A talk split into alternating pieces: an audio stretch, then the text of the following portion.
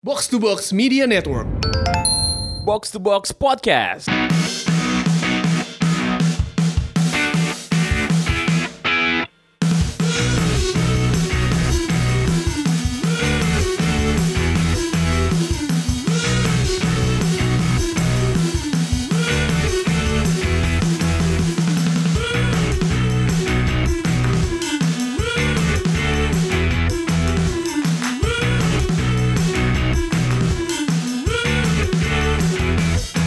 Selamat datang kembali di podcast Box to Box. Gue Pangeran Syahan. Rame nih sekarang studio kita hari ini. Yoi. Kali ini nggak ada Tio Prasetyo karena ternyata dia harus ke Bintaro katanya. Gue nggak tahu ngapain ke Bintaro. Kayaknya sih ketemu emaknya ya.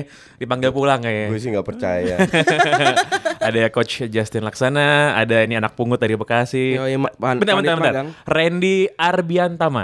Oke. dan- pandit magang. Pandit magang dan kita punya special guest sekarang. Mas Sabto Haryo Raja, apa kabar? Baik, baik, Nge. Ini penampilan debut pertama kali di box to box. Kita punya jurnalis beneran sekarang di studio nih. yang ke Bintaro ini dia bukan jurnalis Oh, beneran. kagak itu mah itu mah apa cuman keyboard warrior doang kan kerjanya. Eh, El Clasico 5-1 nih La Manita nih akhirnya membuat pen- penampakan lagi udah lama nih nggak muncul nih sebenarnya La Manita tuh ini apa Lima. Lima. Eh, gestur tangan lima itu. tangan kecil artinya tangan kecil kan diangkat gitu. Kemarin langsung tuh semua penonton di Camp Nou angkat tangan semua. Gerard Pique sih. Kayak seneng banget ya kan angkat Yoi. tangan nih tapi yang sebenarnya kayak gue kasihan sampai Lopetegui sih. Dia tuh pas second half udah bener sebenarnya taktiknya kan. Iya. ada sekali 10 menit 15 menit pertama. gue juga bilang apa yang dilakukan eh, Madrid di babak kedua udah bener. Tapi ya gitu, fans fans live score kan cuma ngelihatnya skor. ada yang menurut gue sih sial sih. Ada yang dia kena tiang plus Benzema depan gawang yang dia sundulan kepala tuh Iya, yang betul, naik betul, itu kan betul. kalau dua-dua ya beda Iya, lagi urusan yang satu ya Modric, Modric yang nanti yang Betul. Yang Modric. tiang sih. Kalau dua sama, ya endingnya nggak mungkin seperti ini sih. Tapi gue suka sih responnya dari eh, Valverde. Dia ngeganti Rafinya sama Semedo. Semedo ditaruh belakang. Terus Sergio Roberto taruh depan. tapi itu kan setelah 20 menitan kali kan babak kedua Setelah kan Modric kena tiang tadi tuh Iya, deg-degan iya, dia. Enggak, setelah Barca diserang Habis-habisan, abis-abisan, benar-benar. Maka dari itu dia lebih bertahan mengorbankan Rafinya dan itu set yang hebat kalau menurut gue. Karena berkat Sergi juga dan Dembele, Barca bisa cetak Iya, benar, benar. banyak gol.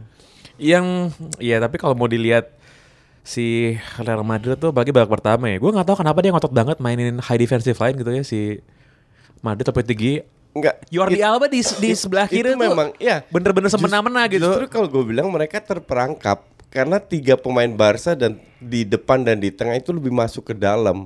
Mereka sengaja masuk ke dalam untuk membuka wingsnya untuk Alba dan Sergi. Sergi. Dan ini ini sudah standarnya Barca di bawah Valverde dan kemarin Nacho pun masuk ke dalam. Nah, dimanfaatkanlah sayap kiri.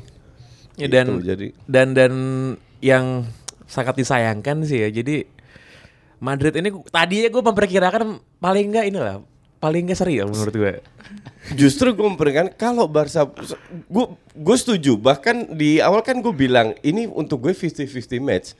Bahkan kalau menang satu lah sekarang gue harap Lopetegui nggak dipecat karena Pecat lah, pasti lah. Pasti pecat. karena kalau dia kalau dia dipecat asumsi Conte masuk Iya, Eh, Conte udah siap-siap. nanti kita akan ngomongin juga. soal itu nanti kita akan ngomongin soal Conte dan Wenger Courtois yang katanya udah mencak-mencak nggak cuman ya, gue mau ngomong Minggu apa ya? kemarin kan gue bilang jadi kiper tuh bukan menang ganteng doang, harus menang Oh, jago. oh, gini gini gini.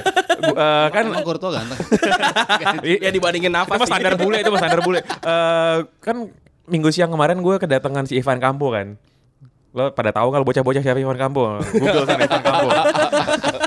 Ivan Campo tuh menang Champions League loh sama Real Iya Madrid. benar loh, benar loh. menang menang menang. Pas lawan Valencia tuh dia main di final Iya. full 90 menit. dia kan. wingback kan Dia tuh Lupa gue. center back aslinya. Oh, terus main back. jadi DM pasti Oke. Bolton. oke oke Ya, terus dia kemarin bilang seneng banget mukanya.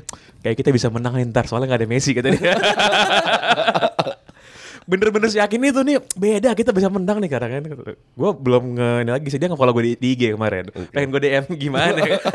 Gimana kalah 5-1 um, what's next buat Real Madrid Mas Sabto nih? Sebetulnya ketika nggak ada tambahan pemain, eh, ketika Ronaldo pergi ya kan kalau kita baca Lopetegui bapaknya kan barusan ngomong apa my son have been dropped 50 goals. 50 gol dari Real Madrid hilang ketika Ronaldo cabut. Dan tidak ada yang memperkirakan sebetulnya ketika dia dia masuk eh, dia harus kehilangan eh, Ronaldo kan itu hu- apa namanya lumbung gol dia lah maksudnya dia selalu bisa menghasilkan gol sebanyak itu tidak ada substitutnya jadi memang gue ngelihat Madrid tidak memang sudah tidak bagus dari musim kemarin cuman masih ketolong dengan Ronaldo gitu dengan tidak ada pemain yang bisa Tapi kan beda dia. pelatih musim lalu. Lah iya, maksudnya udah beda pelatih, tapi kalau masih masih masih bisa Masih berbicara, iya, pasti oke. Madrid masih bisa, bisa berbicara. Kita lihat iya. Juventus lah. Impactnya Ronaldo walaupun gaya bermainnya agak sedikit berbeda, tapi dia memberikan impact pada tim itu kan. Nah ini kan tidak ada pemain yang bisa menggantikan Ronaldo. Udah diminta Hazard datang nggak bisa nggak bisa datang. Mariano Diaz. Walaupun Mbappe datang nggak bisa datang. Jadi wal- walaupun nggak ada Ronaldo itu gue setuju. Cuman selevel Bale sama Benzema kan harusnya bisa cetak gol dan tapi itu yang, yang tidak memang dilakukan enggak, gitu loh. eh, tapi emang Bale dan Benzema itu bukan pemain semusim 30 40 gol lah. Itu enggak Iya lah. sih. Iya, Gitu iya, kan. benar, benar, benar. Dan dan Cuman sekarang lagi jelek banget gitu loh. Benzema sih menurut gue not bad ya. Bale sih kemarin menurut gue yang Benzema tuh Ya, selalu, Bale- Bale selalu menakutkan. sama sekali lah. betul. Benzema tuh selalu menakutkan kalau di El Clasico. Nggak per- nggak pernah mengecewakan kemarin tapi parah sih. Kemarin parah banget. Iya itu dia bener-bener bener-bener ini sih bener-bener menyanyiakan banget tuh kalau sampai gol 2-2 tuh cenderung kepalanya ya. Tapi kalau kita lihat Suarez juga nggak bagus-bagus banget kalau dilihat full Tapi gitu. sangat efektif. Tapi efektif banget. Iya. Tiga, Clinical. nah, clinical banget. Golnya yang bikin 3-1 sih. Wah, yang dia nyundul sih. kepala nggak pakai 15 lompat itu. header ya, Iya. 15 ya. Itu otot leher kenceng banget itu pasti. dan itu nggak dijaga. Terus gol Iya. yang keempat Ramos blunder, penalti yang gol ketiga blunder. tuh kalau gue lihat replaynya berkali-kali kan karena gue agak kaget itu gol soalnya. Jadi sebenarnya si Suarez tuh minta first time pass dari Sergio Roberto. Iya, benar. Iya. Nggak dikasih sama Sergio Roberto kan. Dikasih bola Tapi gara-gara si Sergio Roberto emang pinter gitu kan dikasih bola atas. Iya. Backnya juga kaget kan. dan nggak dijaga. dan ini yang jaraknya, jadi jaraknya pendek lagi. Iya, benar, benar, benar, benar. Gitu. dan dan dan nggak dijaga ini yang jadi masalah tidak hanya di Madrid sering kali di di klub eh, Li- Liga Inggris sering kali terjadi bahwa antara zona defense dengan dua center back ini nggak dijaga Soalnya menurut gua Beckham Madrid itu nggak nyangka bolanya bakal dikasih tanggung segitu. Ya mungkin, tapi- soalnya soalnya pas di depannya si Sergio Roberto tuh ada pemain Madrid. Kalau dia boleh datar, itu di, di, di blok pasti. Bola dilambungin kaget kan? Kaget, kaget, kaget, kaget. Tapi at jenius least- sih menurut at- gue jenius sih. At least kalau kalau kalau gue bilang ya sering kali sering kali kejadian itu striker berada di antara dua center back. Justru kalau gue bilang lu kalau mau main zona di luar kot atau di luar kotak penalti tapi di dalam kotak itu bisa man to man lah. Berat itu berkali-kali lu cek deh gol-gol di, di Liga Inggris. Soalnya sering kali coach, terjadi. soalnya gitu. kalau dia ngasih bola datar, dia kan main zone tuh kan. Itu Iya. itu disergap sama Courtois pasti dia bak- bakal lari. Kalau dia ngasihnya bolanya lateral sejajar, itu diblok sama back. Ada Casemiro juga kalau nggak salah. Iya, dia kasih bola yang nanggung, kaget semua kan lihatnya kan. Dan dan dan dan si Suarez kemampuan improve juga gokil sih. Itu Gila menurut gua bener-bener dalam tempo sekian detik Striker, gitu kan. iya, kayak- iya kan. Betul striker. Gue sih nggak yakin kalau gue ngelihat kemarin atau gue gue harus cek cek ulang lagi. Dia itu benar-benar berada di antara dua center back. Kalau dia dapat bola bawah, dia bisa sekali sentuh langsung shoot gitu. Tetap bahaya.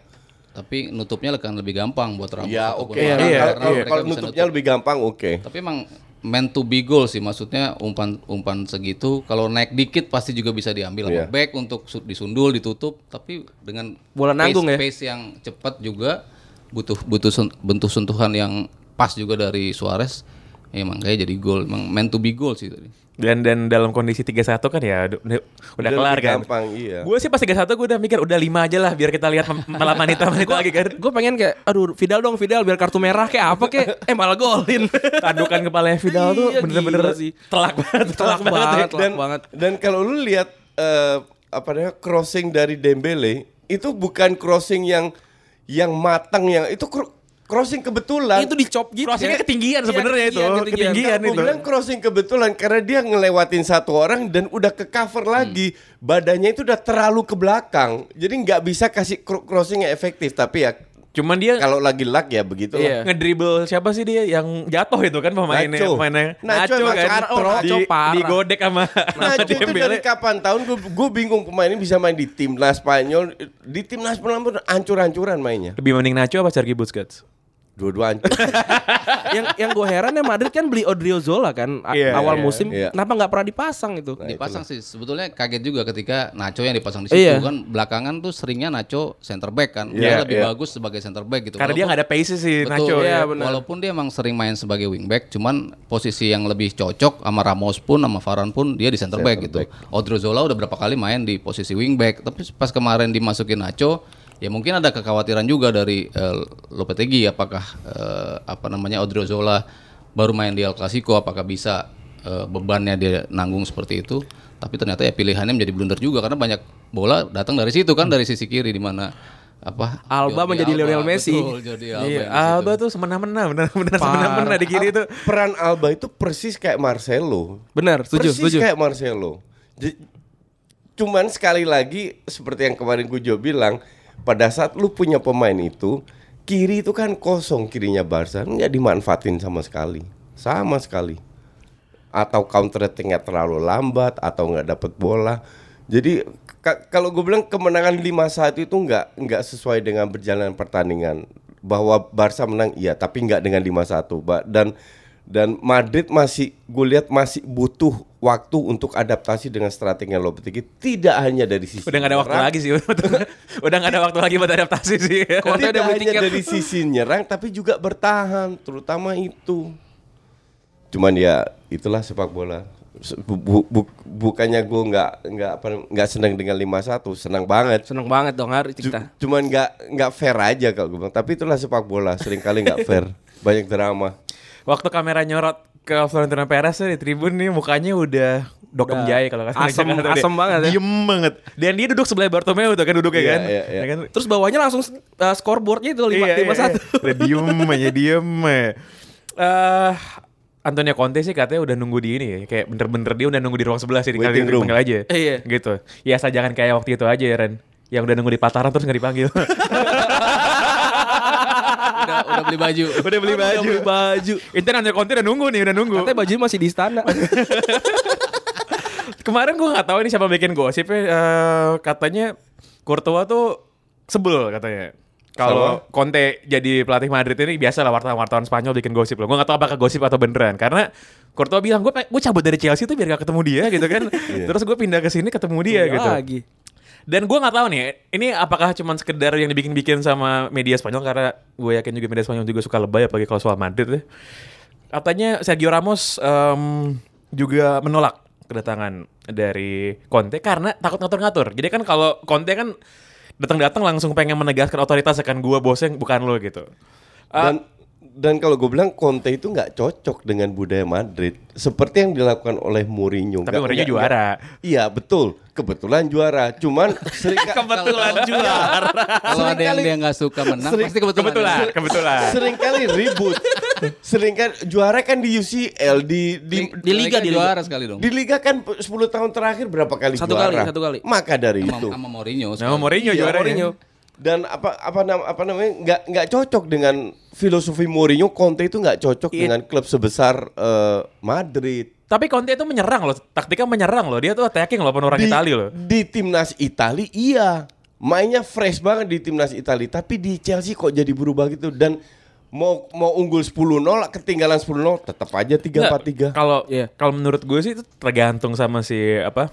Sama kualitas pemain Bukan, tergantung sama orang-orang ini, orang-orang akamsi-akamsi Madrid gimana nanggepin Conte sih. Karena menurut Iya sih. gue di Madrid kan faktor itu itu penting mas satu ya. Iya, kalau gue sih lebih kalau udah tim segede Madrid, segede Barcelona, tim yang mapan pemainnya gitu ya, udah nggak lagi how how you have the apa namanya how to manage kemampuan, tapi how to win the dressing room itu yang lebih penting buat buat pemain. Ya, eh, karena buat- pemain buat bintang semua. Kalau kita Iya. bicara kan materinya kan sama sama yang materi yang Iya, dibawa iya. Zidane kecuali Ronaldo gitu ya. Cuman gimana dia bisa memenangkan Iya. ruang ganti itu kan yang jadi masalah. Apakah Onte bisa? Menurut Ramos dia nggak bisa. tapi Sementara sekarang yang jadi dibutuhin Madrid- masalah Lopetegui kan nggak ada masalah dengan pemain tapi dia nggak bisa Tapi nggak menang. itu paling paling vital. masalah sama fans jadi itu trustnya yang nggak ada dari pemain gitu Ke kepada Lopetegui? kepada Lopetegui itu kan di, di, nggak di- yakin gue Tapi kemarin Ramos bilang sih kalau kalau Lopetegui itu nggak nggak berperan banget di ruang ganti gitu. Kurang kurang berpengaruh kayaknya. Iya kan memang sosok yang apa ya sosok yang penuh respect itu yang dibutuhkan sama Madrid karena lo lihat Ya, true. itu Setuju. bukan itu bukan soal kemampuan pelatihnya juga Ya, gitu bukan strategi lah. bukan bukan Ya, gitu ya. Eh, lo lihat orang kayak Zidane gitu kan dia dia dia tuh kan sebenarnya masuk ke situ dengan selamat dan dihormati gara-gara portfolio dia sebenarnya Iya, kan iya, gitu kan. benar, betul, betul. bukan gara-gara taktikal ya gitu Betul, betul. Ya, Rafa Benitez juara champion sama Liverpool nyampe masuk ke sana Jadi fat Spaniard waiters juga. iya bener-bener ditai-tain sama orang Madrid sendiri cuman gitu emang gue kalau lihat lo, lo, lo, lo petegi itu kayak kondektur bis ya. Ja- Jadi tampangnya itu enggak banget gitu loh. Serius, ko- kondektur bis atau supir bis di Belanda tampangnya kayak lo, lo petegi semua. Hubungannya apa? Cuman yang jadi masalah enggak. Hubungannya flare, auranya itu enggak ada. Cuman kenapa dia bisa berhasil di timnas Spanyol yang notabene juga pemain dia bintang semua? dia bisa Del di Bosque kayak badut. Dia- Dia, tetap dia- bisa juara. Del Bosque. Iya. dia dia bener akan jadi orang yang di, yang dipecat dari pos pelatih timnas Spanyol dan Real Madrid dalam tempo waktu berapa bulan? Tiga bulan, empat bulan, Empat bulan. empat bulan ya. Paling Gitu. cepet sih Camacho ya waktu itu. Camacho. Kamacho sih. Cuma Durhaka itu Durhaka. Itu belum sama Ferguson itu. gitu dan em, bagi eh, Real Madrid sendiri dari sini dia sekarang udah peringkat ke-9 sekarang ya. Sembilan. iya, sembilan. Ya sama kayak meng-MU-kan diri. tapi Tapi dengan kita lihat selisih gol, cara main gitu, dia memang layak di posisi 9 sih. Dia selisih golnya nol. Selisih gol. Cuman ya gue ini ini ini gue agak-agak jarang sepakat sama si Coach Justin. Cuma menurut gue Madrid itu mainnya tidak sejelek itu sebenarnya. Tapi memang Bagus. hasil akhirnya emang katro. Iya. Cuman kalau gue kan lebih penting hasil akhir daripada main bagus apa kagak. Main bagus gak pernah mah buat apa? lu main bagus, lu kalau seandainya lu main bagus tapi hanya ball possession, lu tidak create chances, gue setuju. Tapi mereka main bagus, create chances, shot on goal, semua itu ada. Yang nggak ada hanya gol. Nah pada saat itu terjadi, apakah iya ini salahnya pelatih? Kan kalau gue bilang enggak. Dan kalau ka- kalau lu lihat eh, apa namanya di match di mana mereka seri dan kalah, mereka itu kecuali lawan Sevilla lah bisa dibilang Iya, layak kalah. Yang lain bagus, bagus banget malah. Eh, dan selain kan ya yang paling dekat namanya Conte karena selain Conte yang pelatih Wenger. available Wenger. Gue sih mau banget Wenger di Madrid sih. ya Wenger mah sekarang mah pengennya udah Ka- cuma liburan doang dia suka ke Bali ka- tinggal di kalau- Ubud tuh nggak? Kalau Wenger cocok banget tinggal di Ubud loh menurut gue. kan dia bilang Januari dia akan ngelatih lagi. Iya, iya, dia bilang mau Kalau. Wenger jadi pelatih Madrid, gue traktir lu semua. Eh, kalau nggak Conte ya si Pochettino sih tapi dia kayaknya masih stay di Tottenham. Atau kalah. katanya eh, Solari. Solari Sementara untuk kan Santiago untuk Solari rabu- ya. untuk rabu Caretaker ini. ya? Iya, yang paling lucu ya, paling lucu semalam tuh di Biindang di Doha. Iya. Si Andy Gray sama Richard Kiss kan tamunya itu Leon Osman. Leon Osman kan. Udah gitu Leon Osman bekas main Everton. kan. Everton. Everton kan.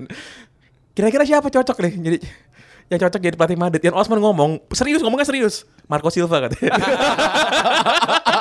Sama posisi 9 juga ya? Kenapa? Everton. Kayak Sama sama sama. sama posisi 9 Sama, juga sama. masalah. Kita bergeser dikit dari La Liga ke mana dulu? Ke Premier League dulu deh. Iya. Ke Premier League dulu eh, Liverpool menang 1 lawan Cardiff gak usah dibahas lah ya. Gak usah dibahas. Ngeri gue mereka menang mulu soalnya. Arsenal seri. Arsenal seri. Arsenal seri. Crystal Palace lagi beruntung. Arsenal seri. dua penalti ya? Dua penalti. Dua Lagi- penalti lagi- ya. beruntung. Beruntung atau kebetulan. lagi beruntung dapat dua penalti tapi it's okay Ka- karena apa namanya walaupun Arsenal 11 kali Menang. menang, beruntun lawannya? se- sebenarnya enggak dong bukan. sebenarnya masih banyak sekali celah banyak sekali eh apa kalau Arsenal sekarang di di adu lawan Madrid contoh ya itu dibantai Arsenal asli. Jadi Arsenal tidak bermain sebagus yang seperti skor yang yang apa namanya Yang dia eh, dapat. yang dia Iya dapatkan makanya orang ngomongin kemenangan beruntun, gue selalu lihat siapa dulu nih Iya, lawannya nih dari memang. 10 lawan Betul, itu lalu betul. 11 lawan itu kan. Cuma Iya. dal- dal- kalau kita balik ke depannya dalam ketemu kasus- Chelsea ketemu City kan Betul. kalah mereka. Cuman dalam kasus Arsenal kalau lu udah bertahun-tahun di PHP ini sudah luar biasa. Ada perubahan sedikit aja cukup ya. Ini sebelas kali ber- walaupun lawan tim kecil pun itu luar biasa. Buktinya MU tiga kali kalah lawan tim kecil ayo. sekarang beda 4 soalnya kemarin menang lawan Kemarin menang lawan Menang lima lawan lima. Everton. Menang 5 Kemarin seri, sekarang. ya, ya, beda lima. Padahal kemarin bilang mau beda 10 Tapi Arsenal minggu depan lawannya Liverpool. Liverpool. Baru tuh Kan berhenti se- streak Sepak bola itu kan banyak kejutan.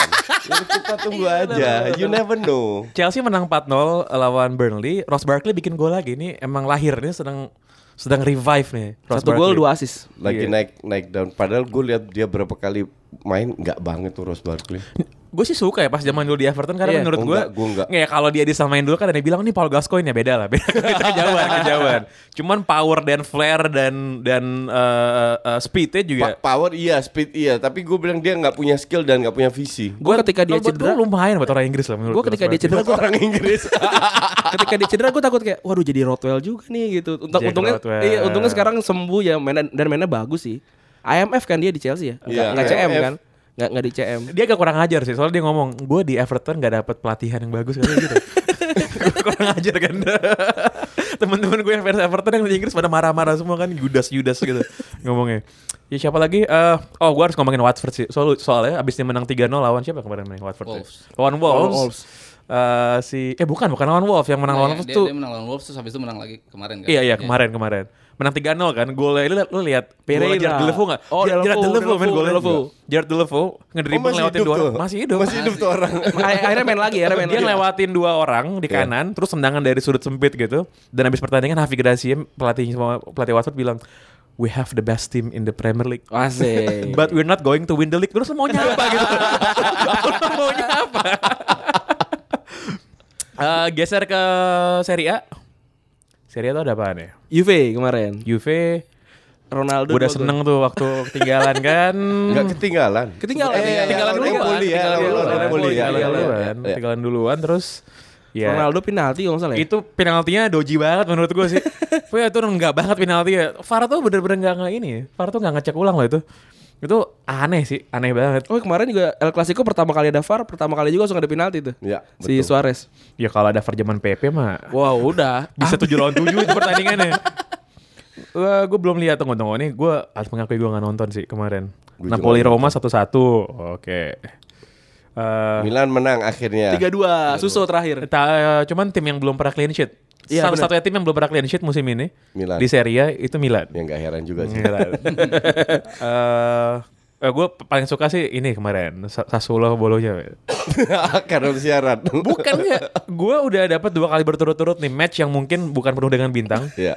Sassuolo bolonya. Pertandingan babak pertama itu menurut gue kayak NBA All Star Game. ya. Jadi no no defense. bener-bener no Saling nyerang defense. dong. So, nyerang-nyerang bener-bener saking cawura defense-nya bener-bener kayak menurut gue ini kayak main game dengan difficulty easy gitu kan. Sebelumnya kan gue dapat Frosinone lawan Empoli kan. Oh itu juga mantep banget itu, Itu mantep lebih parah lagi tuh. Mantep banget. Banyak otot dikit otak. gitu. Mantep banget. Eh, The Classicer yang mana siapa? Ajax menang cuman se- se- sebenarnya semua orang udah prediksi Ajax bakal menang cuman yang bikin sweat final di menit ke-4 kalau nggak salah atau ke-6 Keenam ya. kartu merah. Jeremia Sin- San Juste. Juste. Eh. Sin Juste itu kartu merah, dia kan defender. Jadi lu main 11 12 orang aja belum tentu menang lawan Ajax, apalagi 10 orang. Jadi ya udah selesai. Dan Ajax gue gue cuman agak bingung sama PSV ini. PSV di liga itu gila-gilaan, menangnya gol banyak, eh, all game semua menang. Tapi di Eropa justru Ajax yang hebat. Di Eropa diobok-obok PSV itu. Kemarin La- menang lawan siapa pun. Kemarin gue nggak tahu eh, menang. Ya at least menang lah. menang 2-1 lawan Ya, Groningen. dan dan Ajax selisih kalau nggak salah 5 poin atau 6 poin sama PSV. Padahal Ajax bermain jauh lebih bagus daripada PSV dari sisi permainan ya.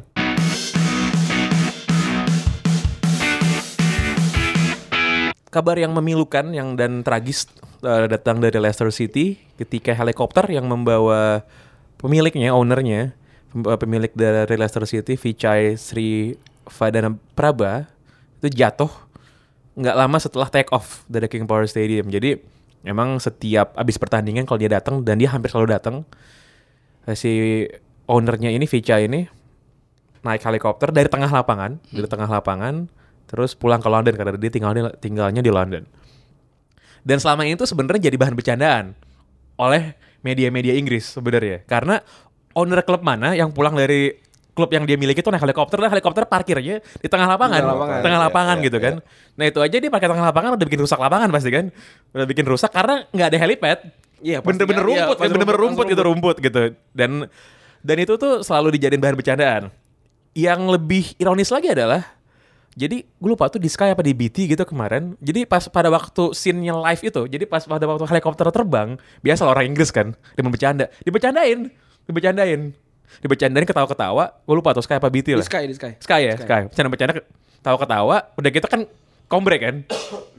kombrek balik tuh udah jatuh helikopternya tuh satu studio awkward banget kan awkward banget diem semua diem gitu diem gimana caranya gue baru bercanda terus jatuh dan ini lumayan di uphold apa lumayan di disimpan lah beritanya apakah si Vicha itu ada di dalam helikopter atau enggak karena baru 24 jam sesudahnya kan baru dikasih bahwa oh ya beneran ada Dan dan kepastian dia meninggalnya kan juga belum belum diketahui kan. Belum Maksudnya- diketahui, iya. Agak cukup lama untuk betul memastikan dia meninggal. betul gitu. betul dan eh, ini jadi ini sih ini jadi sebuah berita duka yang sangat banget karena ini eh, dia ya yang bisa membawa Leicester dari League One ya pas dia dibeli Iya. tuh. Iya, iya, League Ya, One. dari League One promosi juara main di Champions League ya gara-gara si Vicha ini dan dia pelatih pertamanya dulu adalah si Sven Goran Eriksson kan Betul. Iya. yang dijadiin gitu. Dan ini dia jadi ini sih dia bener-bener jadi national hero di Thailand sih. Benar, Pada waktu dia bawa juara karena pas dia bawa juara tim Leicester itu dibawa ke Bangkok kan. Dibawa ke Bangkok parade di jalanan Bangkok gitu padahal yang menang di Leicester kan. gitu. Em, nggak banyak sebenarnya owner yang kedekatannya sama fansnya kayak si Vicha ini sih. Karena ya lo lihat aja MU Glazers gitu kan. Bener-bener ada jarak banget Nggak dengan mungkin kalau lu eh, apa namanya eh, sedikit tam- tambahan. Dia ini kan benar-benar orang Asia yang masih dengan karakter Asia yang dibawa ke Inggris. Dan di situlah eh, how he treats eh, pemain Leicester sep- mungkin seperti dia treat staffnya dengan rendah hati dibelikan pada saat mereka juara gue baca semua pemain Leicester diberikan BMW Sport. Terus dia menyumbang 2 juta ke rumah sakit di Leicester menyumbang sejuta uh, pounds ke universitas di Leicester. Jadi dia benar-benar peduli bukan karena duit. Nah di sinilah mungkin dia ingin mempromosikan uh, sisi baiknya orang Asia yang rendah hati yang yang sangat Betul. peduli. Dan, dan ya kan dia sebenarnya bukan orang Asia pertama yang punya klub Betul, di betul. di ini kan Di di, Inggris, Inggris. ya. Bahkan dia bahkan dia bukan orang Asia Tenggara yang punya Leicester City, men. Lo tau gak Leicester City dulu punyanya punya orang Indonesia, men? ya kan? oh iya ya. Oh iya. nggak nggak perlu kita bahas Gak perlu kita bahas. kita bahasnya off air aja Ya, oh, nggak perlu kita bahas gitu. Dan kal- kal- dan kalau nggak salah si Vicha belinya dari itu kan? Iya, betul. Iya kan belinya dari Betul, yang orang betul, Indonesia betul, itu kan? betul, betul, Iya, betul. iya, iya. Eh, dia ini eh, Pak Vicha almarhum ini dia punya toko duty free. Paling gede, paling gede. Paling gede di Thailand. Di semua bandara Di ada. semua bandara ada. Eh, dari tahun 89. Tapi bisa jadi bilioner kan? Dia Hanya orang- dengan toko ya. du- duty free main di monopoli sama dia di bandara semuanya gitu dan dia punya restunya raja kan makanya nama King Power namanya Eh dia itu dan dia cuma jadi orang nomor kaya terlima di Thailand walaupun udah sekaya itu ya cuma jadi orang nomor lima Lu terkaya nomor satu siapa? siapa Yang punya itu kerating daeng. oh iya sih itu kaya banget Oh tuh sih. iya, bener. itu nomor satu itu. Dan iya kayak yang lo tadi bilang coach bahwa si uh, ownernya Leicester City ini Vicha ini emang beda lah sama owner lain lah. Pada waktu dia ulang tahun misalnya gue lupa 2 3 tahun lalu satu stadion itu dibeliin donat sama kopi sama Iya, dia. iya. Lovable kan? ya orangnya ya. Apa? Lovable banget ya. Lovable banget, Iya, lovable banget. iya. Waktu di ulang tahun kemarin dia ngasih 60 60 season tiket buat fans. Lu harus tahu ya kalau eh, nggak hanya di Inggris, di Eropa Barat, mereka lihat orang Asia itu plus minus poinnya. Plus poinnya orang Asia itu nggak pernah bikin onar seperti orang Afrika Utara. Co- Contoh im- imigran lain nggak pernah bikin onar. Cuman mereka lihat orang Asia itu juga agak gimana eh, yang nggak nggak nggak nggak mau membaur lah, nggak bersosialisasi lah, Inggrisnya jelek dan si si almarhum ini kan membuat merubah sedikit paradigma bahwa orang Asia kaya itu nggak selalu sombong. Sementara yang melihat yang yang mereka lihat di di media mungkin yang orang kaya dari Hong Kong, dari China yang naik Rolls Royce, yang pengawalnya banyak lah, bodyguard ini karena nah stigma ini dirubah sama si si almarhum bahwa orang Asia itu juga punya sisi rendah hati walaupun mereka kaya nggak sombong dan itu di negara barat itu sangat dihargai. Gue kemarin lumayan lumayan tersentak sih pas gue lihat mapnya ini ya kan. eh, jadi ditunjukin kan eh, di mana lokasi jatuhnya, lalu di mana stadionnya Iya, gitu. iya. Terus kayak di mana posisi kota Leicester gitu. Gue dua tahun lalu tuh gue niat banget. Jadi gue naik kereta sendiri ke Leicester gitu kan dari stasiun kereta gue jalan ke King Power Stadion, iya. dan ternyata jauh banget jalan kaki kan. jauh banget dan lo dan lo bisa lihat sih the whole city itu Kecil, vibrant kan? gitu kecil kecil cuman s- kayak seluruh kota itu eh, apa ya kayak bener-bener thankful bener-bener berterima kasih banget sama sama Vicha gitu Iya. itu tahun itu cuman mungkin 4 5 bulan setelah mereka juara. Oke. Setelah mereka juara. Jadi satu kota tuh masih seneng banget gitu kan. Iya, iya, iya. Masih seneng banget dan di jalan menuju ini, di jalan menuju ke di jalan menuju ke stadionnya tuh itu ada tembok panjang. Itu mukanya semua starter 11-nya si Leicester City. Leicester, ya. Iya, termasuk Okazaki ada segala gitu muka di situ. Tim juaranya. Tim juaranya. Tim juara ada Drinkwater sama Kante dan segala macam gitu. Dan pas gue iseng nanya gitu kan kayak eh jadi pandangan lo soal Leicester City gue tanya ke orang lokal. Ini cuman kayak tim tim yang dikasih duit gede terus juara yang bener-bener dibeli gara-gara uang atau enggak terus dibilang enggak lah kalau lo lihat tim kita ya tim kita yang yang punya emang orang kaya gitu dan bahkan orangnya bukan orang sini cuman dia mengambil effort untuk mengintegrasikan Iya, dirinya gitu iya, kan Betul. Iya walaupun kan? dia kaya raya, walaupun dia bisa beli segalanya, tapi tetap banyak hal yang tidak bisa dibeli dan dia itu benar-benar melakukan itu. Itu yang orang seperti itu Iya. sangat dihargai. dan juara sih kalau menurut gue Mas Sabto ya Sa- mu- mungkin untuk lihat cerita kayak gitu lagi di top flight division di Eropa nggak- nggak akan. kayaknya nggak akan kejadian lagi Lu cuma bisa main di FM biar bisa kayak gitu sih. Enggak susah Ya, banget. Ya kalau dari dari sisi prestasi ya mungkin em, juaranya Leicester yang dalam tanda kutip terbantu dengan buruknya penampilan semua tim. semua tim, kan. iya, Jadi emang iya. emang emang in way mereka bisa juara karena semua tim tampil kebetulan buruk di musim itu. Cuman kalau balik lagi ke kita bicara eh, ownernya dari Asia, Leicester juga salah satu wilayah yang paling diverse juga kan di sana. Jadi Iya. dia bisa diterima dengan dengan lebih terbuka gitu. Dan itu yang eh, apa yang dia give to society itu yang membedakan dia gitu kan. Kalau kita lihat dulu Taksin di Manchester City, ya mungkin Tony Fernandes juga di eh, Queens Park Rangers, mungkin kedekatan itu yang tidak dimiliki oleh orang-orang ASEAN lain ketika datang ke klub-klubnya itu. Nah, ini yang bisa diberikan oleh eh, Vichai. Makanya kenapa dia dianggap sebagai national hero di Leicester.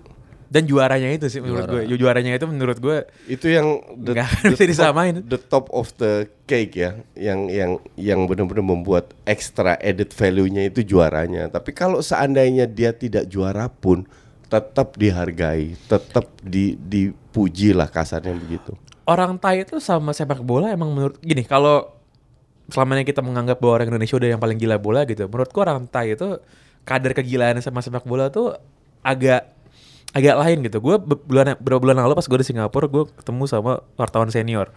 Orang Thailand. Dia bilang iya gue tiga tahun. Jadi dia kerja buat koran Thailand. Gue lupa namanya apa mas ya. Gue dia bilang gue kerja buat koran Thailand. Gue di station gue di base tiga tiga tahun di London. Jadi koresponden Thailand buat eh, buat Liga Inggris terus gue mikir-mikir "I- di Indonesia emang pernah ada koresponden yang di, yang yang bener-bener dikirim ya? jadi di- Iya, iya. dikirim bukan kebetulan tinggal di bukan sana, bukan disulap jadi wartawan dikirim, gitu. dibikinin biro di Iya, London tinggal di situ Wih, gila juga deh gue bilang gitu kan. Mau sekaya kaya sedemen-demennya apa orang-orang yang suka bola di Indonesia gitu yang pem- pemilik klub segala macam. kalau di Indonesia eh, pen- Lebih ke- penonton lebih ke klub lokalnya. Iya, enggak enggak hanya lokal, tapi juga Serie A, La Liga dan lain-lain. tapi di Ing- Thailand si, enggak. si, si, si bosnya si wartawan Thailand ini dia Iya. bilang ya bos gue tuh juga yang punya Muang Tong kata dia gitu. Dan, dan setahu gue Thailand itu hanya suka liga lokal dan liga Inggris. Nah. liga lain nggak laku di situ. Betul. Nah, setelah setelah Leicester City juara, katanya itu bedol desa semua orang Thailand. Yang tadi suka Liverpool, suka MU, Pindah semua. Pindah ke Leicester City semuanya udah. Bedol desa semuanya. Dan ya kita semua turut berduka cita sih dengan apa yang eh, terjadi kepada Vichai Sri Vadana Praba, owner dari Leicester City yang meninggal dunia dalam kejadian dan itu katanya bisa menelan korban karena si pilotnya itu nggak heroik sengaja untuk menab untuk jatuh Menjauhi menjauhi masa. karena itu kan baru habis pertandingan Iya, kan iya, lagi rame gitu kan dia ny- Iya. nyari tempat parkir kosong gitu Iya, iya, terus iya. untuk crash di sana gitu dan apa yang udah ditampilkan oleh Leicester City oleh Vichai dan eh, kerja kerasnya itu akan selalu diingat sih oleh para penonton sepak bola di seluruh dunia.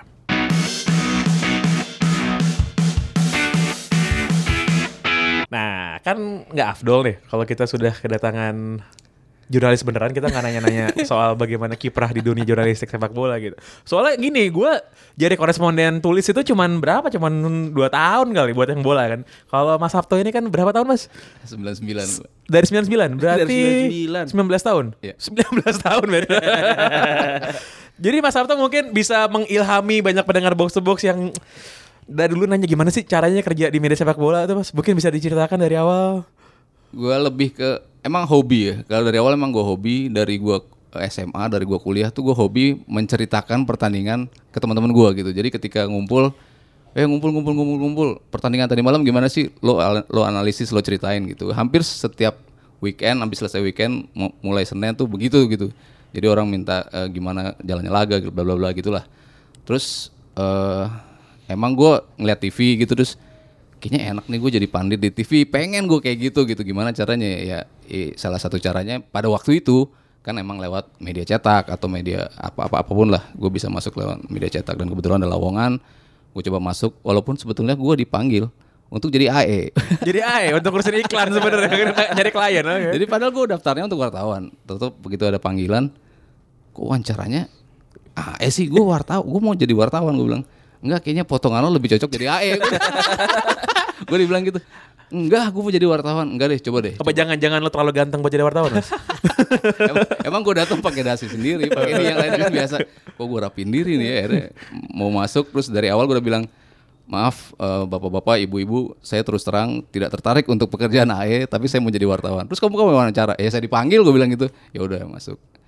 Terus gue ya jawabnya sekenanya gue lah maksudnya ya apa yang gue tahu. Karena gue memang background gue ekonomi ekonomi di Trisakti dulu terus ya kayaknya pesaing gue pada waktu itu banyak juga. Pada waktu itu bola emang gila sih. Ada 4000 orang yang ngelamar. Waduh. 4000 orang akhirnya diambil 9 orang. 9 akhirnya tinggal jadi 8 gue salah gue salah satu wartawannya. Habis itu di seminggu kemudian ditelepon emang lo masih mau nggak jadi wartawan? Ya mau lah emang gue daftar jadi wartawan gitu kan. Oh yaudah dipanggil lagi. Udah dipanggil udah gue masuk. Tes tes tes tes segala macem. Intimidatif memang tesnya kan. Ya gaya-gaya wartawan senior kan ya Disuruh ngapain, Mas? ya nggak pertanyaan kan segala macam pertanyaan-pertanyaan ajaib Siapa lah yang wawancarin lo waktu itu? Iya dari dari Red Pel, dari Pemret semua yang kebetulan Bang Ian Situmorang tuh pas ketemu gue tuh pengen pengen wawancara gue gitu yang lainnya tuh sebatas Red Pel kan yang masa angkatan gue tuh ada Dwi Widya Miko, ada Daro Jatun, ada Erwin Fitriansa tuh angkatan gue semua tuh. Cuman mereka semuanya di batas Red Pel, tapi Bang Ian kok gue pengen ketemu, pengen wawancara lo. Oh ya udah. Potongan kau seperti ini mana bisa kau jadi wartawan? Loh, kenapa bang? Saya gila olahraga gini gini gini. Terus kalau kau suruh harus begadang tidur di kolong meja, ya tinggal merem bang gue bilang. kok bisa kau? Bisa gue. Ya udah dites. Pas hari pertama itu kebetulan bola mau tanding bola kan. Ya udah ikut dulu, ikut ya ikut nonton bola segala macem. Terus ya kayaknya impactnya enak untuk pas ngobrol-ngobrol sama dia gitu. Ya udah akhirnya gue diterima lah. Nah yang menarik dari angkatan gue adalah tidak ada satupun yang basicnya jurnalistik. Oke. Jadi berdelapan itu yang kita masuk, gue ekonomi, ada teman gue dari eh, metalurgi di Jatmito itu metalurgi, Meteorologi. metalurgi UI, Jatun itu fisika ITB, terus ada dari teknik mesin Atmajaya, yang fisip pun Erwin itu kesejahteraan sosial, Benhard itu kriminologi, yang satu lagi Beri Manembu gue lupa tuh dia fisipnya juga bukan dari jurnalistik lah pokoknya. Emang anak komunikasi ini jurusan gue emang katro-katro emang. Gimana lo mau ma- mau nyari kerjaan gitu lo saingannya emang gitu-gitu coba pas lo apply. Enggak, itu itu emang emang apa namanya? Emang arahan SOP-nya perusahaan untuk mengabaikan atau tidak mementingkan Enggak coach, arahan enggak. atau gimana? Enggak menurut gue emang anak kom ju- jadi gue ngomong ini sebagai anak kom, anak kom emang katro-katro emang gitu ya. terus terus lanjut lanjut. itu itu dari Pange. Cuman kalau kalau dari versi kantor gua tuh kalau di di kom takutnya mereka sudah ter bukan terkontaminasi ya. Lu gaya nulis lu begini nih. Iya, iya. Udah Oh, dibentuk iya. gitu kan ketika Petak, mereka petak, ketika ya. mereka kuliah nih. Mau nyari yang mentah ya. Gimana kita cari yang fresh grade dari jurusan-jurusan jurusan-jurusan dan ya psikotes yang dilalui mereka cukup untuk masuk sini dan kita bentuk mereka dengan gaya tulisan kita gitu. Itu yang diingin oleh kantor. Lalu ada pelatihan tiga bulan, ada masa percobaan satu tahun, baru akhirnya semuanya diterima. Jadi ya ya udah sampai ke sini. Jadi kalau kalau gua sebagai bukan wartawan eh bukan sorry bukan dari jurnalistik bisa terjun ke sini dan teman-teman gua semuanya non jurnalistik bisa terjun ke sini ya gua rasa sekarang semua punya peluang. Karena platformnya kan sekarang udah banyak kan. Dulu Pange pernah ngomong kan di box to box offer ya lo sekarang bisa di YouTube lo bisa di mana pun bisa di podcast lo bisa men- menyalurkan hobi lo untuk menjadi pandit tapi tidak harus bergantung pada sebuah media gitu. Jadi Mas yang bukan siapa-siapa di dunia bola tuh bisa ngomongin bola dan nulis bola ya semuanya. Kayak Bisa, lu bisa. bisa. Kayak gue. Karena ada yang nanya dulu kan kayak aduh gue gua mau dengerin podcast tuh cuma yang um, apa yang ngerti bola aja deh. Kalau yang enggak sih gue nggak mau. Oh, lo lagi menghibur diri sendiri sebenarnya. Tapi buktinya eh, Retrobus kan di empat besar Asia kan. Lagi promosi lagi. Eh, tugas pertama lo keluar dikirim ke mana, Mas? Gua pertama keluar ke Jepang. Jepang. Ngeliput J-League Jubilo Iwata. Pada waktu itu kan mereka juara tahun 2002 itu gue berangkat. Kebetulan ada orang Yamaha kan mereka sponsor Yamaha. Yamaha itu ngundang ketemu Jubilo Iwata pertandingan lawan Kashima Antlers. Mereka juga habis juara juga Kashima jadi emang dua tim yang big match lah ketemu dan gue nonton. Dan gue di sana itu apa ya ketika mereka melihat seorang wartawan itu betul-betul dianggap sebagai wah hormat banget lah kalau orang iya, Jepang iya, tuh iya. satu tim begitu gue masuk ke tempat pelatihan mereka dan jarang mereka bawa wartawan sebetulnya ke situ begitu dia masuk dia kaget ada orang Indonesia terus semuanya baris tunduk sama gua gitu kayak apa nunduk Penghormatan nunduk, Jepang gitu ya? penghormat Jepang gitu anjir nih. Jadi Indonesia aja kagak begini nih gua gue gue mengamini itu tau gak tugas pertama gue jadi wartawan gue tuh pernah jadi wartawan coach. Wartawan Oke. tulis majalah pria. Yang paling tua di Indonesia itu pakai sendiri apa? Berapa tahun? eh, berapa ta- lama? oh, cuman setengah tahun doang. Cuman bagian sport atau apa? enggak enggak enggak enggak, enggak. Oke. gue nanganinnya itu otomotif sama party dulu Oke. Jadi lo bayangin gue di sebuah majalah yang ya kan gue bilang majalah pria kan. Iya, iya. Jadi di Inisial P berarti. Inisial P. Kantornya kalau menang buat foto-foto tiap hari. Enggak, eh, tugas pertama gue liputan itu adalah launching Honda Freed waktu itu. Honda Freed kan Honda. Iya. Berarti ada wartawan Jepang datang kan ke sini Iya, kan. iya. Lo tahu kan kalau- orang Indonesia kalau wartawan pakai bajunya kayak gimana kan kerja Iya, kan. iya, iya. Wartawan Jepang ya pakai jas lengkap full suit Pakai dasi, dasi. dua orang gitu. Di kolam renang. Enggak. enggak. Terus Mas, lanjut. Iya, eh, liputan pertama gua dan gua kamu mau wawancara sama siapa? Siapa aja? Ya siapa aja silang, tinggal tunjuk anjing tinggal tunjuk gua bilang. Wah, yang pernah gue inget yang pernah eh, lawan PSM dulu ada Toshia Fujita kaptennya mereka gitu. Ya udah gua wawancara sama dia. Ya udah. Ini butuh interpreter atau dia bisa bahasa Inggris bisa gitu. Akhirnya ngobrol ngobrol ngobrol. Ya, ya gue ngeliat yang budaya yang beda banget sih antara antara apa yang gua rasain sebagai wartawan di sini penghormatan mereka pemain ya terutama kepada kita dan secara overallnya itu masyarakat sana juga gitu yang gue dapat juga ketika gue datang gue nyari stadion gue nyasar sempet tapi dari jauh tuh udah kelihatan tuh ininya lampunya gitu kan kayak dari Senayan kan dari jauh udah kelihatan terang tuh. Wah gue mau ke situ tuh ke Todoroki tuh stadion itu. Wah kalau jalan lu agak jauh sih gue ketemu orang di supermarket gitu kan. Eh, Bisa bahasa Inggris. eh, bisa bahasa Inggris dikit. Karena gua waktu ke Jepang hampir semua nggak bisa bahasa Inggris. Tapi, ya itu yang yang terjadi pada Jepang eh, kalau agak eh, keluar dikit ya. 2002 ketika mereka menjadi tuan rumah Piala Dunia hampir semuanya itu mencoba untuk belajar bahasa Inggris walaupun mereka menjelaskannya dengan susah payah tapi dia pengen orang itu bisa kita ban- bisa dibantu oleh dia Iya, gitu iya, orang-orang iya, kita iya. itu Ada hampir- niat lah. ada niat gitu Iya. walaupun sini sini sini dia cariin orang yang bisa ngerti. Gue ditarik-tarik gitu kan. Sini sini sini sini saya mau ngomong sama dia gue mau nyampein ini gitu. Gue bilang "Di- orang sini mah bodoh amat orang nyasar gitu kan. Kalau gue di, gue di betul-betul diarahin terus oke sebentar sebentar. Akhirnya gue dibawa naik nih mobil dia nih. Dibawa set set dianterin terus gue tukeran kartu nama terus ya saya, saya anterin dia ke sini nih pintu depan stadion oke oke pas turun gue ketemu orang Indonesia kan ada orang KBRI terus gue kasih ini gue tadi kenalan sama ini Loh, ini yang punya supermarket itu katanya. Anjir, ownernya supermarket yang gua masuk ke supermarket itu lumayan gede. Masuk gitu terus eh, apa dikasih. Wah, lu diantarin sama dia. Wah, gila juga nih orang yang gila orang Jepang gua bilang orang nggak tahu apa-apa ngasih jalan gitu yang yang gua dapat dari liputan pertama gua ya seperti itu sih. Lo ngeliput turnamen besar berapa kali mas? Dan ke mana aja? Gua 2005 itu Piala Dunia Klub. Mhm. Piala Dunia Klub itu yang juara dulu siapa ya? Sao Paulo. Sao Paulo ngalahin Liverpool. Lawan Liverpool. Itu itu liputan yang ya lumayan besar itu. Habis itu dua kali Liga Champion 2010 gue ngeliat Inter dapat treble-nya di situ. Inter Mourinho tuh ya? Inter Mourinho dapat treble di situ. 2013 eh, Munchen juga menang di situ. 2008 gue Piala Eropa, 2012 gue Piala Eropa, 2014 gue Piala Dunia. Mungkin itu turnamen-turnamen besar dan sejak 2014 Terakhir nggak ya? Terakhir enggak? 2014 soalnya kan gue 42 hari tuh di luar dan Oh, di Brazil pula di kan? Brazil. 42 hari di Brazil dan bini gue udah ya terakhir ya Se- se- liputan selama ini ya 42 hari ya. Gila. Eh, cerita yang paling apa ya? Yang paling lucu yang pernah lo alamin pas ngeliput apa mas? Lucu tuh apa ya kayaknya gue gue jarang yang aneh-aneh sih maksudnya gue Lu pernah dirampok nggak kalau di luar-luar? Kalau Brazil itu kan cukup cukup Iya, rentan. Iya. Banyak Tapi- yang tapi dirampok. Yang gitu. yang mengejutkan dari Brasil kemarin adalah apa hype-nya orang bakal ngeri nih ke Brasil Iya, nih iya, dengan segala macam favela bla bla bla. Akhirnya gue sampai juga ke favela, gue sampai ke daerah-daerah yang rawan, nggak ada semua itu yang yang itu karena memang disterilkan. katanya ada perjanjian antara presiden yang Duma kan pada waktu itu terus eh, dia bilang sama orang-orang mafia-mafia sananya lah, lo sebulan ini tiarap dulu ya, lo tolongin gua pokoknya Piala Dunia ini kan berjalan. Mungkin ada ada faktor itu juga. Kalau enggak gue bersihin lu semua. nggak diomongin ke pers sama polisinya memang banyak banget sih di setiap sudut ada polisi dan lo bayangin aja gede-gede kayak main-main UFC semua tapi banyak gitu di setiap setiap sudut. Jadi Anderson Silva semua bentuknya.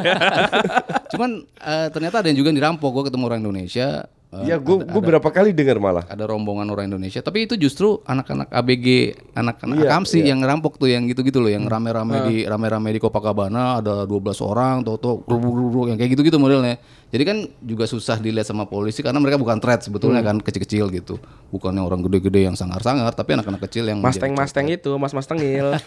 kalau menurut gue sih kalau orang Indonesia tuh kalau di luar dirampok tuh itu mereka simply merasa di luar lebih aman dari Indonesia sih. Karena kalau dengan tingkat waspada yang sama kayak di, kayak di Jakarta gitu, lo nggak mungkin dirampok Nggak, lah. nggak, nggak. Ke- Kalau kalau gue ngelihat eh, kenapa orang Indonesia dirampok? Karena orang Indonesia itu kelihatan turis banget loh. Ya i- Serius. itu dia maksud gue. turis banget da- dalam arti Itu dia maksud gue. Kalau di sini kan nggak mungkin begitu Kalau di sini kan lo nggak Iya, mungkin gitu. Iya. Kalau contoh di sana dua dua dua puluh derajat, kan orang udah pakai lengan pendek, celana pendek. Indonesia masih pakai jas, masih pakai jas tebel-tebel dan selalu bawa ransel yang yang pokoknya kelihatan banget dan turis akan lihat oh ini calon sasar oh, sorry maling akan lihat ini sasaran untuk Ya, dirampok. dia nanya mulu pernah dirampok soalnya pernah dia kan? Enggak, enggak, gue enggak pernah. bukan lo bukan lo Gue iya, tapi gue nggak gue gue gue kayak gue gue pernah jalan gue pas gue ke Barcelona pas gue jalan di Ramblas gitu kan udah gitu kan ada teman gue orang lokal Ben. sangar juga tuh Ya kan kayak awas lo dirampok lo kan Terus Iya. gue kayak men gue orang Batak men kalau gue terlibat pencopetan gue yang nyopet Eh, kalau negara yang paling negara yang paling apa ya yang paling unlikely mas yang lo datengin dalam rangka tugas apa tugas jurnalistik kalau jurnalis negara paling random kayaknya hampir semuanya negara negara-negara gede ya. Kalau teman gue sih dapat ke Paraguay itu enak juga tuh. Zimbabwe pernah nggak? Gue nggak pernah. Maksudnya ya, karena kan kebetulan gue megangnya sepak bola Eropa, jadi memang uh, Oh, uh, mostly di sepak bola Eropa. Oh cuman gue lupa ada ada yang menarik ketika gue ke Piala Eropa 2012 Polandia Ukraina. Gue naik kereta nih dari Krakow. Krakow itu markasnya Itali. Markasnya Itali. Abis mereka latihan, gue ketemu Balotelli tuh di situ. Gue wawancara sama dia.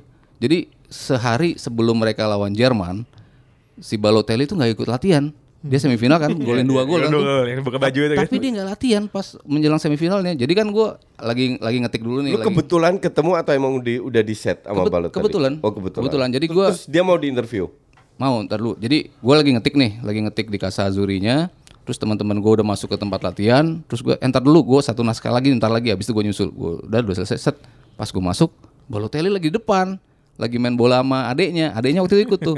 lagi oper-operan, oper-operan, oper-operan. Terus eh eh masih sih dipanggil gue sama dia. Wih panggil nih. Yaudah gue main bola sama dia ngobrol ngobrol. Asli ngobrol panjang gini gini gini. Terus pas udah selesai ngobrol, eh apa?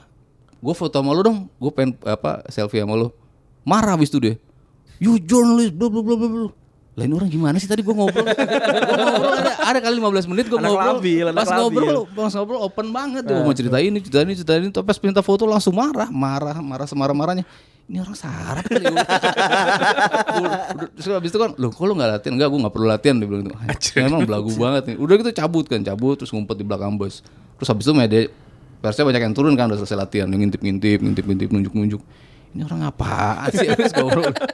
Nah terus pulang dari situ gue naik kereta yang jam lima setengah enam lah gue naik kereta set. Terus kan kompartemen-kompartemen gitu kan ada yang tiga tiga lah duduknya tiga depan yang ada pada depan gitu. Terus gue udah ah ada yang kosong nih kompartemen. Gue langsung masuk set duduk kosong. Ah gue udah mau tiduran gue udah taruh tas gini gini set. Toto masuk ada hooligan lah hooligannya Poland. Poland badannya gede banget yang lu inget nggak yang waktu Italia lawan Bosnia apa siapa sih itu yang gede banget tuh yang botak? Iya. badannya badannya kayak gitu tatoan gede asli gede banget. Terus duduk mabok pula. Anjir Berapa orang? satu. Nggak satu. duduk duduk terus selama setengah jam itu gue belaga jadi orang bisu tuli. Asli, Asli. dia ngajak ngomong nggak apa gue belaga. Gue gitu gitu gue pakai gesture orang nggak bisa ngomong. Gue bilang sorry gue nunjuk kuping gue nunjuk mulut gue gue dada panjang setengah jam. Karena dia ini agresif banget. Pokoknya ngomongnya kurva kurva. Banyak ngomong kurva kan. Terus abis itu gue tanya sama orang itu dia tuh ngomong kurva kurva mulu. Gue pikir kan berhubungan sama stadion ya kurva sud kurva nor taunya kurva tuh fuck ada bahasa bahasa bahasa ini. Jadi dia ngomong oh itu bukannya biasa di stadion? Iya biasa diomongin orang di stadion kata orang Polandianya gitu. Karena memang bahasa kotor lah lu apa apa sumpah serapa lah yang keluar kalau lu ngomong gitu. Lu ngomong gitu mulu terus apa dada gue digeprak-geprak gitu kan. terus kepala gue digini-giniin. Maksudnya lo teman gue dia gini-gini gini gue diem aja Untung lu nggak dibonga-bonga loh. Di bonga-bonga. Gue ngebayangin kayak Brock Lesnar Mau- gedenya. Ha- hampir Hampir segitu ya? hampir Kayak Brock Lesnar gitu. asli, asli. Terus minum bir oh gue nggak nggak gitu kan pas dia buka bir wah tumpah kena gue juga anjir ini orang gue ngelap gitu kan terus oh sorry sorry terus gitu dia cari-cari kantong dia keluarin keluarin isinya. Ada pisau di kantong kan? Ada pisau. ada pisau gue aduh. Bangsat nih orang bawa, bawa pisau lagi. Dia cuma lihat ke gue hehehe terus ketawa. Nggak lucu dalam hati gue lo ngeluarin pisau apaan sih orang gue terus masih gitu kan? Dan meluk meluk gue terus kayak ambil friend kayaknya mau kayaknya dia mau ngomong begitu gitu. Tapi kan tetap aja lu kan agresif banget sih orang gimana? Akhirnya kayaknya orang dari kompartemen sebelah dia ng- ng- ngelihat gue kayaknya terancam nih you can move, you can move. Dia bilang, gimana cara move-nya? Gua bilang, dia depan, gua. Terus tunggu, tunggu. Udah tunggu, tunggu, tunggu. Begitu dia itu, gua ambil tas, gua langsung masuk, sek, duduk gitu. Terus dia bilang, eh temen lu tuh gi- gila tuh dia bilang gitu kan ke ke si itu. Terus kenapa sih dia? Nggak tahu dia emang dari tadi ternyata dia udah duduk di stasiun, udah rese sama orang-orang situ. Terus kalau bisa duduk enggak, gua lagi kosong dia masuk ke tempat gua. Ya udah, ya udah. Terus pas selesai di dua stasiun berikut dia ditangkap polisi diturunin. Jadi kondekturnya kayaknya tahu kan tahu ini terus dia nendang-nendang gitu. Nendang-nendang kompartemen gitu terus teriak-teriak. Pokoknya rese lah di selama itu. Terus tuh dua stasiun turun ke bawah kan dia. Ya ditangkap dia untung gue bilang. Orang kayak gitu kan di di negara barat banyak banget. Asli tuh gua setengah jam jadi orang bisu tuh gua. Lo dulu kalau nggak salah pernah gede di Polandia kan mas? iya pernah SD kan lu di sana? SD. SD ya? Gua dari kelas 3 ya. Eh, enggak, justru dari gua TK sampai kelas 5, 5 tahun gua di Polandia. Gua sempet di sana. Ya Tapi beda waktu be- itu. beda lah. Lebih Maksudnya kiri. dulu kan eh, mereka tuh seperti Eropa Timur ya bentuknya gitu ya. Tahun berapa dulu mas ya? Tahun berapa? Ta- Tahun berapa lo? 60? Enggak, enggak, enggak. 76. Enggak, enggak lagi.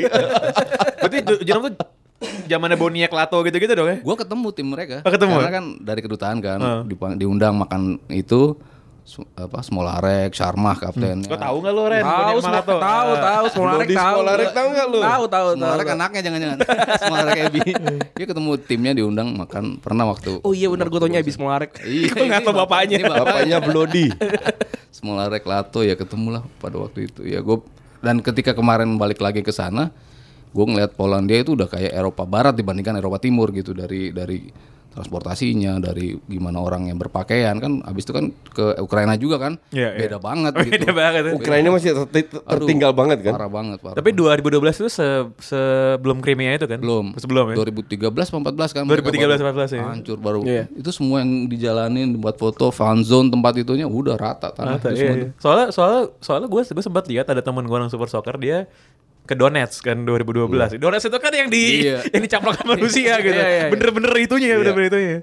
Gitu. Terus em apalagi mas cerita yang mungkin yang selama ini nggak banyak yang tahu dari dari aktivitas lo. Nih karena dari wartawan bola tuh sesuatu yang di yang dicemburuin oleh banyak orang sebenarnya. Yang gue pengen denger sebenarnya yang anti mainstream, yang orang lain pasti nggak denger. Coba, eh, coba secret secret ini keluarkan dikit. Enggak sih ya kalau gua ya suka duka ya pastinya lu hobi yang dibayar gue sih itu aja ngeliatnya Ya udah nggak usah lu lah, temen lu atau siapa gitu. Nih koci mancing-mancing mulu. Gosip-gosip underground, gosip-gosip Iyalah, underground. box to box kan harus anti mainstream. sama oh Brasil ya mungkin yang kalau orang eh, mikir apa yang gue dapat di Brasil itu justru lebih ke filosofis Brasilnya gitu. Maksudnya matchnya itu udah nggak udah nggak gue terlalu tertarik gitu. Cuman gimana orang sana itu kalau orang Inggris ngaku paling gila bola, enggak menurut gue orang Brasil. Semua orang Brasil yang gue tanya bola, semua bisa ngomong bola secara ngelotok. Dan Nen- semua bisa main bola. Nen- Maksudnya semua tuh nenek-nenek, anak kecil, oke, se- oke. semua orang tuh bisa ngomongin bola dan mundur ke berapa dekade, apal tuh mereka. Wah ini emang negara gila bola sih gila bola tuh ya mereka. Ya itu main di mana-mana, lapangan, sense sih kalau lapangan banyak. Lo lo pernah ada kejenuhan nonton bola nggak? Soalnya gini, soalnya gue ngomong dari pengalaman pribadi ya. Enggak gini, soalnya ya gue nonton bola kan dari gue kecil. Iya. Sekarang nggak sesering itu kan? Apa? Sekarang nggak sesering itu kan? Sekarang gak sesering itu, sekarang gak sesering itu. Gue kan gue masuk football media tuh kapan? 2010 lah gitu kan. Iya. Dulu-dulu sih kayak kalimat tahun pertama tuh gue yang yang main siapa pun ya akan gue tonton gitu kan. Iya. Sekarang gue udah kehilangan kehilangan drive. Padahal ber- baru berapa tahun itu? Makanya gue makanya gue mau nanya kalau yang 19 tahun tuh gimana kira-kira kira-kira. Sampai tahun keberapa ya gue bosen.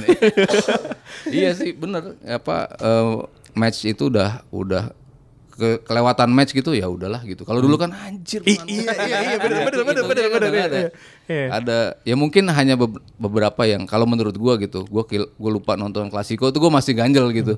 Anjing gua ketiduran lagi gitu. Cuman semua match apa pun itu sekarang kalau kelewatan ya udahlah gitu. Kalau dulu kan ya bener tiap match itu lo Iya, iya. tonton, tiap berita lo Takut baca. kehilangan sesuatu Iya, gitu kan, takut Kalau- kelewatan. Kalau, kalau El Clasico nggak boleh kelewatan Iya. dong. Harus ditonton. Sa- sama gue juga. Lo tahu nggak El Clasico tadi malam itu El Clasico pertama yang gue tonton mungkin dalam 8 tahun terakhir. Serius lo? Serius.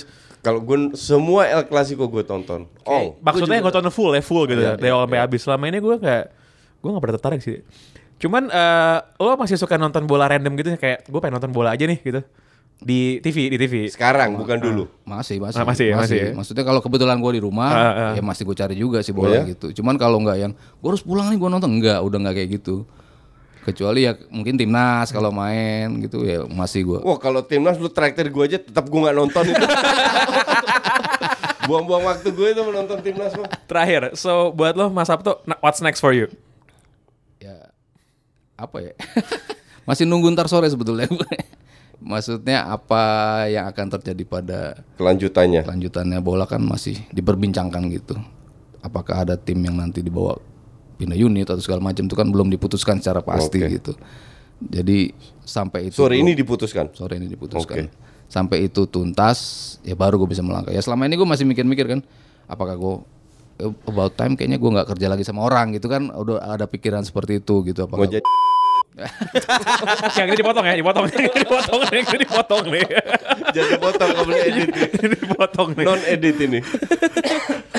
apakah gue ya memulai something dengan teman-teman gitu ya kepikiran banyak opsi sih. Ada yang nawarin bikin judi bola. Gue nggak ikutan yang itu. ada yang segala macam. Ya berbagai opsi lah masih gue buka gitu sampai kepastiannya seperti apa Oke, all the best buat Mas Sabto Haryo. thank you thank you Dan itu tadi juga akhir yang tadi pokoknya dipotong ya yang ngomong ya. Enggak enggak jangan. Di bip apa dipotong? Jangan. Dipotong, dipotong enggak di. Enggak, enggak, jangan dipotong, dipotong. dipotong, dipotong. Nggak boleh. No censure. Eh lo ngomong gitu yang marah teman-temannya dia ntar. lo nggak lihat apa temennya ngeri-ngeri di Instagram tuh. Nggak boleh ada sensor. Oke itu tadi akhir untuk podcast box to box episode kali ini sampai jumpa di hari hari Jumat. Bye bye.